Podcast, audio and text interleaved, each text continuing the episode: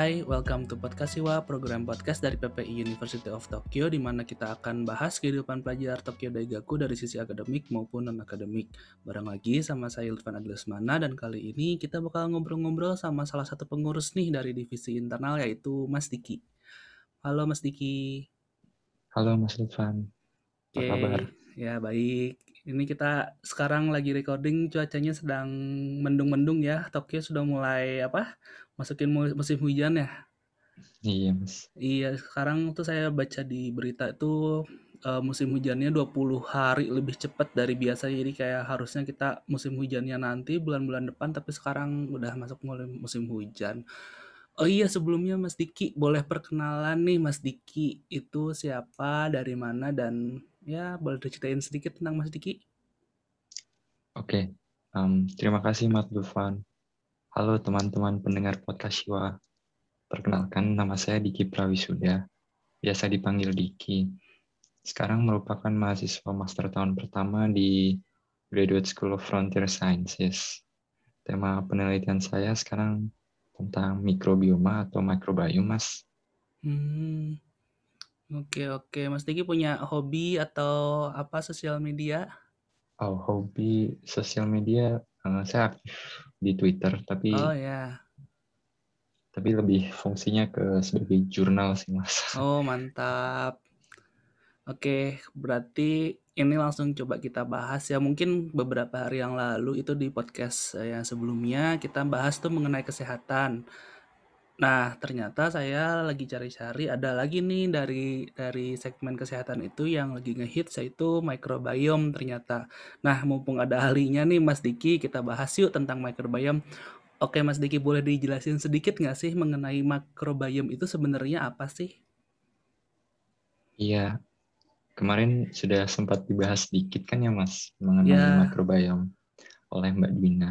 ya Uh, benar-benar. karena memang sangat lekat juga peran microbiome terhadap asupan gizi kita. Nah, microbiome itu sebenarnya merujuk ke materi genetik mas, baik itu DNA atau RNA dari seluruh jenis penghuni seperti bakteri, virus, fungi atau jamur, dan Hmm, protozoa. hmm, Kenapa merujuk ke materi genetik? Karena untuk melakukan studi microbiome ini, penelitian uh, yang dilakukan itu tidak uh, menu- dengan dilakukan menumbuhkan individu satu persatu di atas agar atau medium, hmm, seperti cara kita buat tempe atau roti, hmm, melainkan sekaligus dengan metode sequencing, sama dengan teknologi yang digunakan untuk analisis sequence varian baru SARS-CoV-2 belakangan ini. Oleh karena itu, hasil penelitian ini biasanya langsung disebut studi makrobiom, yang sebenarnya merujuk makrobiota. Mungkin analoginya mikrobiom makrobiota itu gempa pergeseran lempeng. Jadi hmm. kita tahu ada api dari adanya asap. Ah, ya ya ya ya. Nah, kemudian eh, setelah kata microbiome, biasanya disisipkan satu kata lagi yang merujuk suatu keterangan tempat, seperti gut microbiome atau microbiome usus, oral microbiome atau microbiome mulut, dan skin microbiome atau microbiome kulit yang mungkin buat remaja remaja eh, Hmm, hmm. bisa dipelajari lebih lanjut gitu mas Oh, oh berarti ada di berbagai macam tempat ya, Mbak? Eh, Mas ya se- sebenarnya. betul Hmm, ada di di perut, ya di di gut kita atau ya gampangnya di perut, itu lalu ada di mulut kita, lalu ada yang mungkin juga lagi ngetren di kalangan remaja untuk apa biar mukanya kinclong atau betul apa mas. namanya kerannya kinclong itu kan biasanya ada jerawat microbiome ya nah ya berarti ya berarti itu tadi mas singgung sedikit ada penelitiannya berarti ada microbiome yang sebenarnya bisa dimasukkan mas atau dalam tanda kutip itu dikonsumsi oleh tubuh kita? Oh ada mas. Em, hmm. betul. Jadi eh, ada kita bisa nambahin hmm, eh, asupan eh, microbiome tertentu kalau misalnya eh, dirasa eh, ada yang kurang. Nah, dirasa yang kurang ini mungkin bentuknya symptoms seperti konstipasi misalnya, eh, itu hmm. mungkin karena kurangnya serat, tapi kita bisa asup minuman probiotik misalnya untuk membantu proses pencernaan. Oh, gitu secara ya. tidak langsung. Hmm. Ya, ya, ya. Yang paling kita kenal dengan minuman probiotik itu Yakult nggak sih, Mas? Iya betul. Iya, dari kecil itu kayaknya mayoritas dari kita ya dari pendengar juga eh, dan kita kayaknya terutama orang-orang Jepang ya karena Yakult itu dari Jepang kan ya. Itu pasti Hmm. dikasih Yakult nggak sih gitu. Terus ya sama orang tua kita Betul. terus kayak kita ya suka-suka aja gitu minumnya karena kan rasanya enak ya sama asam manis gitu. Iya. Iya. Nah, kan karena Yakult tuh ditemukan di Jepang tuh kayaknya aku aku lupa tuh ada ada ada cerita yang keren Hmm. apa ya. Tapi boleh boleh diceritain nggak Mas Mas Tiki kayaknya lebih paham tentang Yakult nih. Nah, em, oke, setahu saya ya Mas, em, Hmm. jadi minuman Yakult itu memang dimulai di Jepang. Hmm. Eh, dia pakai Lactobacillus casei strain Hmm. Shirota. Ini sering banget ada di iklannya nggak sih? Iya iya iya. Setiap kali ada iklan Yakult tuh pasti disebutin tuh. Betul. Eh, Lacto Alkase Shirota strain dan uh, you know like um, hmm, hmm. beberapa kalimat selanjutnya. Hmm, Nah, ini hmm. tuh sebenarnya merupakan bakteri uh, yang baik jika dikonsum- dikonsumsi dengan jumlah yang pas. Hmm. Nama strainnya ini, Shirota, itu lekat dengan nama penelitinya Mas Dr. Minoru Shirota. Ah. Uh, sorry, Dr. Minoru Shirota. Dia seorang Hmm. mikrobiologis dari University of Kyoto. Hmm. Uh, dan kemudian hasil penelitiannya ini diproduksi tahun 1935 uh, dan mulai dipasarkan dengan bantuan Yakult Ladies. Ya, ini juga terkenal. Hmm. Ya seperti yang saya bilang tadi, eh, Yakult ini punya uh, apa ya bisa membantu kita kalau misalnya kita kena konstipasi dan mungkin Hmm. beberapa manfaat lainnya. Gitu. Mas. Hmm. Oke, ini eh, berhubungan dengan konsumsi minuman atau asupan yang ada mikrobiomnya mungkin Mhm. aku agak sedikit ini sih agak sedikit concern atau mungkin ada beberapa teman kita yang concern misalnya dari kalangan muslim ada nggak sih produk-produk kan kayak Mas Tiki tadi bilang eh itu kan ada bakteri ada fungi berarti kan Hmm. yang eh, melekat di kita itu ada juga namanya byproductnya mo- atau penghasilnya misalnya ada alkoholnya gitu nah itu Ya, ada nggak sih Mas eh, eh, produk-produk yang harus dinotis tuh karena byproductnya tuh ada alkohol yang siapa Oh. tahu teman-teman muslim dari kita tuh bisa menghindarin gitu Hmm. Oke, uh, jadi ini benar banget. Uh, ini pola pikir yang memang harus dikembangkan ya di Hmm. uh, masyarakat bukan hanya di Indonesia tapi seluruh uh, penjuru dunia, celah maksudnya. Hmm. Karena uh, selain produk uh, produknya sendiri oleh karena oleh uh, hasil kerja dari microbiome, kita juga harus concern dengan produknya. Ini masih alkohol ya, belum Hmm. mungkin nanti yang senyawa beracun lainnya. Jadi kita mesti hati-hati. uh, jadi jangan karena hanya ini alami, jadi serta merta kita konsumsi. Hmm, hmm. Nah, um, soal byproduct alkohol, kalau misalnya saya merujuk uh, Fatwa Majelis Ulama Indonesia nomor 10 tahun 2018 uh, di bagian ketentuan hukum itu batas minimal kandungan alkohol 0,5% atau proses fermentasi harus secara alamiah tanpa ada tambahan bahan haram. Hmm. Uh, maka dari ketentuan tersebut, teman-teman yang muslim perlu memastikan kandungan alkohol tersebut tidak lebih dari 0,5%. Hmm. Karena syarat satunya uh, seharusnya tidak ada tambahan bahan-bahan haram. Hmm. Uh, ini salah satu ketentuan yang saya pakai di sini misalnya. Jadi Hmm. uh, teman-teman mohon menyesuaikan. Uh, jadi sebagai referensi, kandungan alkohol pada tape itu lumayan besar teman-teman dengan Hmm. presentasi 11%. Wow, besar juga Untuk ya. tape besar, iya, dan 8,94% untuk tape ketan hitam, Oh. dan tape singkong sendiri itu 6,92%. Jadi eh, lumayan agak tinggi dari Hmm, hmm, ketentuan eh, dari eh, fatwa MUI ini. Gitu. Hmm, jadi memang harus concern ini ya, balik lagi ke ke pedoman masing-masing. Iya, Mem- langkah yang tepat sih eh, langkah memang. yang tepat tuh. Tapi ya memang memang benar ya Mas ya berarti ada ada produk-produk tuh yang memang kita harus concern apakah alkoholnya tinggi atau enggak. Memang sih kayaknya bagus buat kesehatan, bagus buat Hmm. Betul. pencernaan gitu, Iya, tapi kan kadang sih memang begitu. Hmm, hmm. Oke, eh aku ada artikel nih Mas dari paper ceritanya Hmm. tuh di sini ya kayak kan kita kuliah ya di sini Mas Mas Diki juga kan risetnya kayaknya mantep-mantep tuh mainan Ah, sosial media Twitter untuk untuk paper itu kan wah luar biasa. Nah, aku di sini ada ada artikel dari paper kebetulan Hmm. dia dari Waseda University mengenai rahasia panjang umur orang Jepang dan korelasinya terhadap kandungan gut microbiome. Hmm. sebelumnya aku kan udah share sama Mas Diki tuh ya. Boleh Betul. Hmm. diceritain nggak sih Mas conclusion dari discussionnya itu apa gitu? Oke, jadi eh, seputar studinya sendiri, Mm, eh, studi dari Waseda ini eh, nunjukin kalau kelompok individu yang berasal dari Jepang itu punya kesamaan pada besarnya proporsi actinobacteria, hmm, spesifiknya Bifidobacterium, di antara hmm, ragam mikrobiota lainnya. Nah, sebenarnya eh, ini agak sulit nih Mas untuk melakukan penelitian tentang aging ini, hmm, termasuk penelitian dari kampus Waseda ini. Tapi gini, hal yang menarik dari penelitian Waseda ini itu eh, adanya enzim pada mikrobiota untuk mencerna gula kompleks dari nori atau wakame. hmm, Ini ditemukan sangat kaya di sampel individu dari negara Jepang.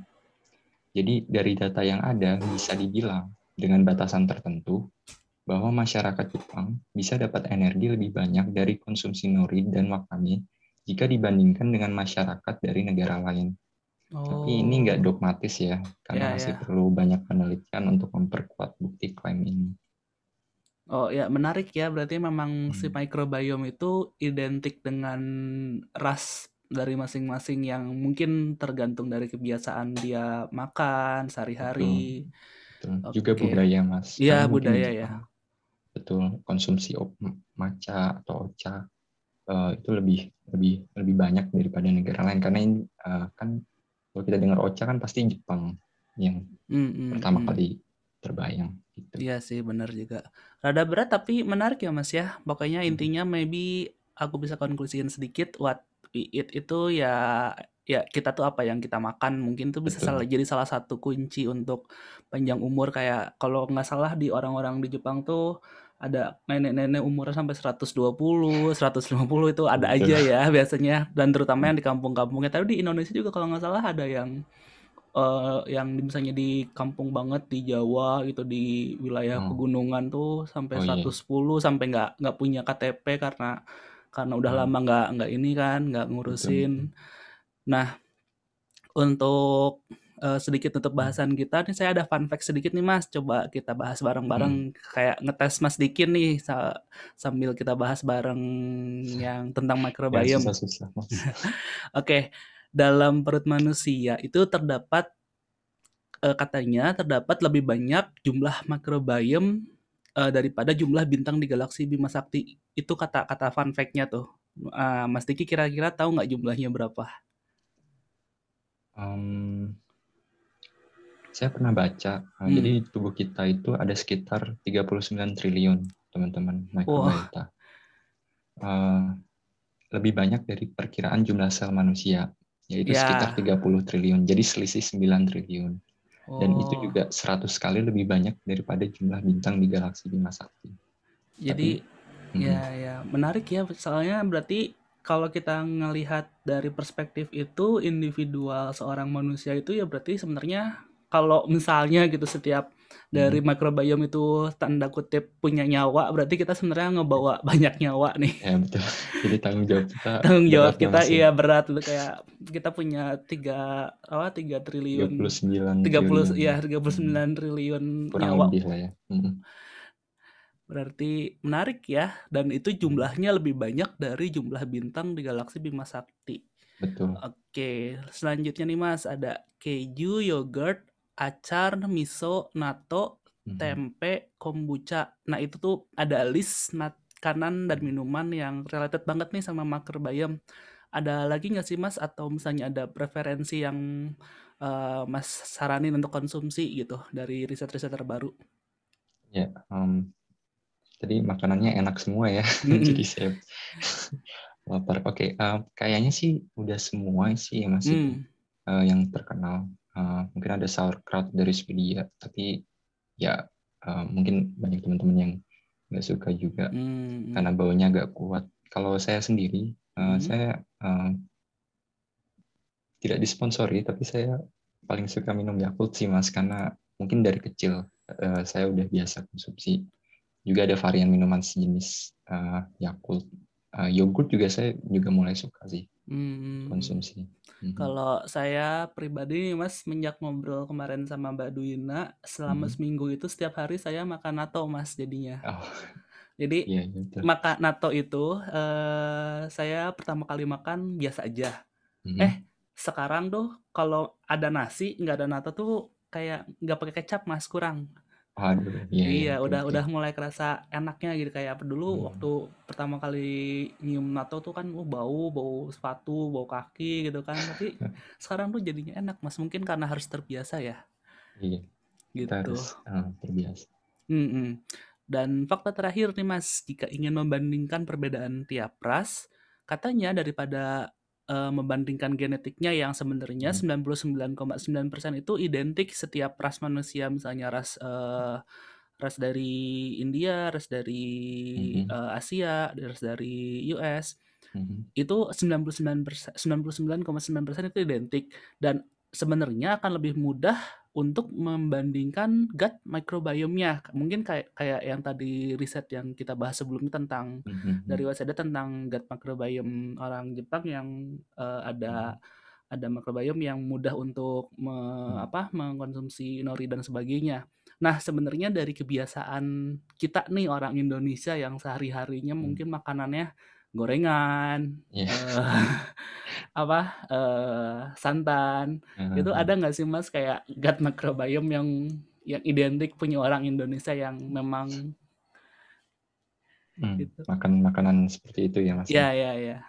Um, Oke, okay. jadi uh, ada benarnya sih kalau misalnya kita membandingkan antar negara itu uh, lebih spesifik atau lebih unik kalau kita pakai gut microbiome-nya. Karena balik lagi tadi microbiome itu kan uh, merujuk ke identitas uh, uh, identitas uh, materi genetik di uh, perut. Uh, ini juga terkait uh, dengan pola makan dan budaya. Uh, jadi gut microbiome itu sebenarnya lebih dinamis bahkan antar individu. Jadi kita bisa lebih spesifik di situ. Um, jadi uh, sebelumnya uh, saya bukan pakar nutrisi atau hmm. gimana gimana. Jadi uh, teman-teman lebih baik konsul ke dokter uh, langsung.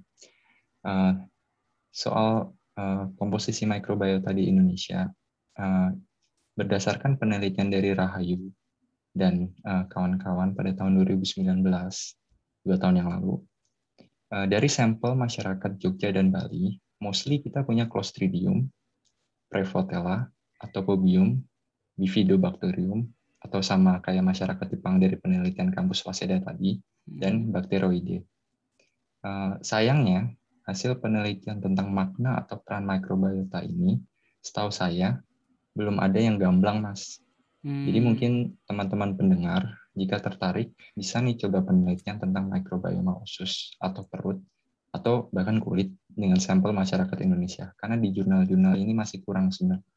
Kita uh, perlu banyak sumber daya manusia lah iya, untuk iya. mempelajari ini. Ya, misalkan apa sih pengaruhnya makan angkringan setiap hari terhadap kesehatan masyarakat Jogja gitu kan sebenarnya kan kayak gitu kan kita menarik perlu, ya hmm, kita perlu tahu itu mas Ya, misalkan uh, untuk orang-orang Bandung misalnya uh, hmm. gut microbiome khusus untuk mengkonsumsi pete gitu misalnya. kan orang Bandung suka banget tuh makan pete. Oke, menarik ya Mas ya tentang microbiome ini. Uh, hmm. Kita paling kita udahi dulu untuk episode Oke, kali ini bahasan kita. Terima kasih Mas Diki sudah hadir Sama-sama, di podcast Siwa. Oke, nah itu bahasan kita tadi dari podcast Siwa, program podcast dari PPI University of Tokyo di mana kita bahas kehidupan pelajar Tokyo Daigaku dari sisi akademik maupun non akademik bareng sama Mas Diki tadi. Nah, kalian kalau misalnya ada request topik atau yang lain bisa disampaikan nih, boleh hubungin kita di sosial media yaitu Instagram ppi.todai dan di grup lain kita. Sampai jumpa minggu depan. Katsukare sama Desta. Jane.